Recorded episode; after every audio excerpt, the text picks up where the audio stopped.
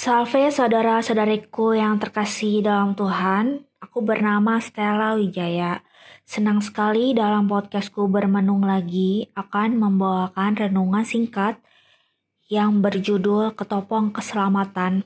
Selamat mendengarkan.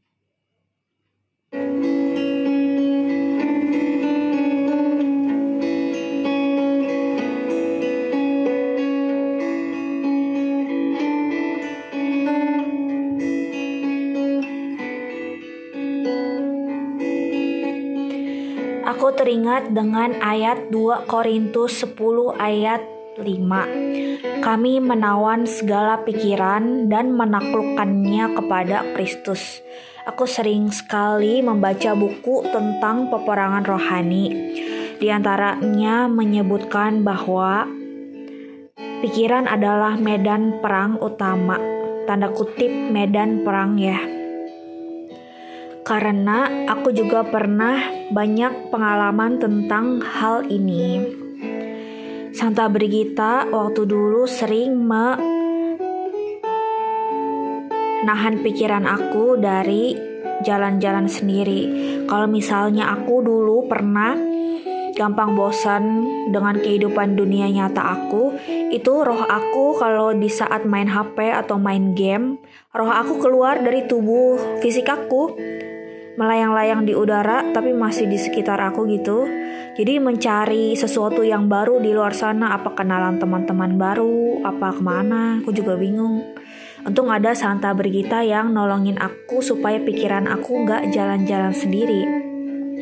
Begitu pentingnya menjaga pikiran, menawan pikiran dan menaklukkannya kepada Kristus maksudnya Persembahan itu tidak selalu berupa nyanyian, pujian, kolekte, waktu, tenaga, usaha, tapi pikiran kita pun tetap bisa dipersembahkan kepada Tuhan. Kepada malaikat pelindung kita juga sebenarnya bisa ya. Ketopong keselamatan disebutkan yang pertama ya di Efesus 6 perlengkapan rohani. Termasuk ke dalam perlengkapan rohani. Ketika aku ada pengalaman sharing sedikit ya. Ketika aku sedang tiduran di tempat biasanya aku ada penyihir lewat-lewat naik sapu terbang gitu mereka seperti lagi mau merayakan hari raya Halloween atau apa tuh langsung pada gosipin bukan gosipin sih komentar-komentar gitu ke aku yang aku ingat itu Penyihir itu bilang, ketopong keselamatan aku koyak. Pantesan aja, waktu dulu aku pernah berdosa yang dosa berat. Kalau misalnya kita berdosa, sangat amat berefek kepada level ketopong keselamatan. Bukan hanya levelnya turun, tetapi bisa jadi koyak. Artinya, pikiran aku juga serangan baliknya bisa jadi stres, bisa jadi bingung, pusing. Nah, itu karena dosa selalu berakibat yang buruk, dosa selalu menuai hal-hal yang tidak baik.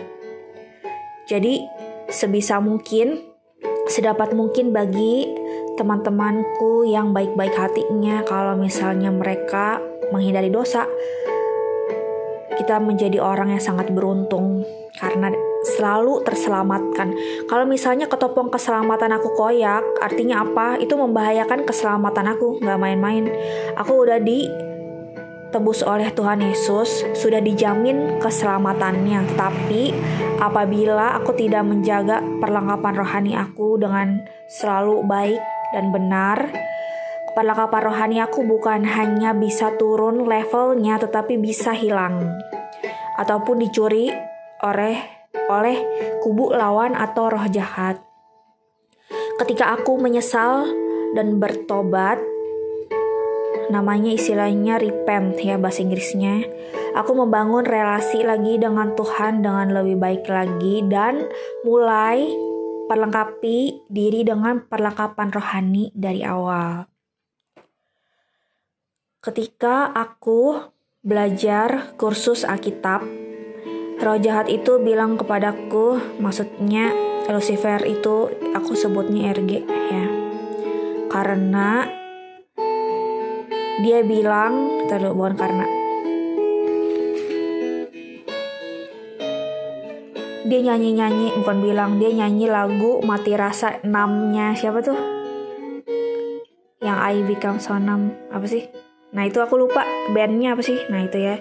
Jadi ketika aku belajar Alkitab jadi roh jahat juga ilfil sama aku karena aku berjuang demi kepentingan Tuhan. Jadi niat mewartakan Injil aku sudah terhitung di dunia roh karena catatan di dunia roh selalu lengkap kalau misalnya ada yang nanya bagaimana Kak Stella untuk memperlengkapi diri dengan perlengkapan rohani.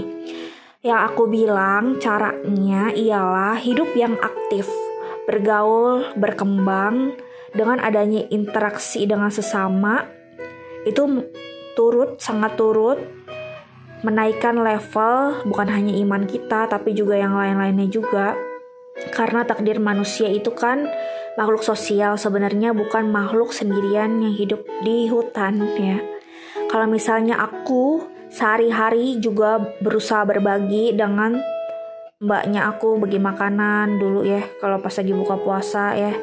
Kalau misalnya aku berbagi juga tentang hal-hal sedikit-sedikit bukan hanya berupa materi bisa juga ilmu pengetahuan aku juga kalau ngajar juga diperhitungkan dari jasanya katanya Ko Ferry uh, maksudnya suami aku ya. Kalau misalnya ngajar nggak bisa terlalu perhitungan gimana. Jadi dipentingkan aspek sosialnya juga dan aspek pengertian juga terhadap murid sih. Dan aku sangat memegang nilai-nilai pendidikan dari suami aku yang baik-baiknya tentunya. Begitu tugas yang aku kerjakan sudah baik dalam hal mengerjakan tugas kuliah kitab maksudnya kitab suci belajar kitab suci itu seakan aku jadi naik level juga. Dan juga yang perlu kita hati-hati adalah RG itu sebenarnya dari dulu mengincar ketopong keselamatannya negara Indonesia pada saat aku jalan-jalan ke mana ke mana ke mana gitu lagi jalan kaki Rosa itu istrinya si RG pernah mikir dari suara hatinya bilang apa yang sebenarnya orang-orang ini pikirkan jadi mereka tuh sebenarnya rojat itu bekerja selalu aja ngincar pikiran Jadinya kalau kita tidak memanage pikiran kita bagaimana? Kan orang mikirnya tindakan, perbuatan, perkataan yang dijaga ya. Tapi sebenarnya pikiran itu juga sangat utama dan penting. Perlengkapan rohani yaitu ketopong keselamatan adalah bagian yang termasuk yang utama dari perlengkapan rohani karena kepala itu ya namanya juga otak mikirnya juga dari situ. Kalau misalnya otak nggak bekerja dengan baik, bagaimana segala fungsi dan kinerja tubuh kita, bagaimana gerakin anggota tubuh yang lain seperti kaki, tangan Injil, ngomong, juga semuanya diatur dari gelombang pikiran. Ngerti nggak?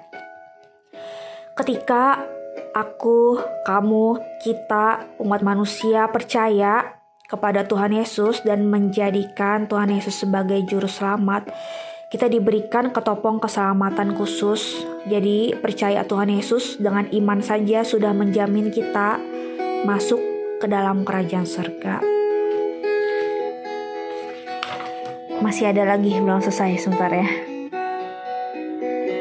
Bagaimana cara untuk menaikkan ketopong keselamatan supaya menjadi level yang lebih baik lagi? Ada yang bertanya kepadaku.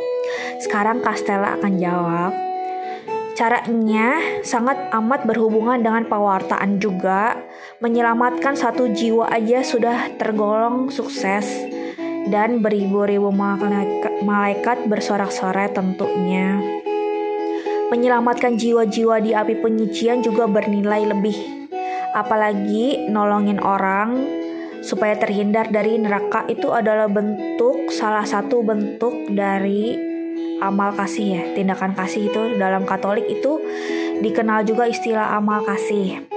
Jadi sebelum misa kita bisa mendoakan keselamatan jiwa-jiwa. Bukan hanya untuk kepentingan keselamatan diri kita saja, diri pribadi kita, tetapi kita mulai untuk memperhatikan keselamatan jiwa-jiwa dalam lingkup yang luas.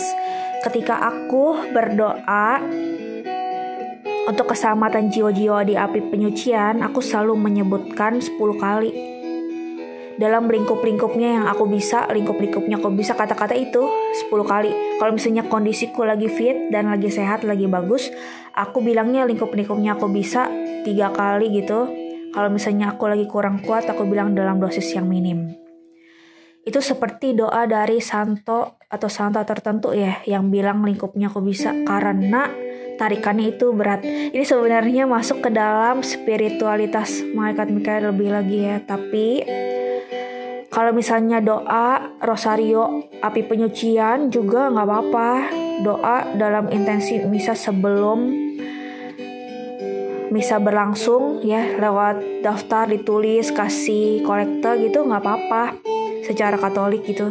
Kalau aku secara ilmu pendoa aku mengetahui tentang spiritualitas ketopong keselamatan ini dengan lebih baik lagi. Semoga kita bersemangat terus, bukan hanya mempertahankan iman kita, bukan hanya menaikkan level perlengkapan rohani kita, tapi kita harus hati-hati supaya perlengkapan rohani kita tidak diambil musuh. Amin.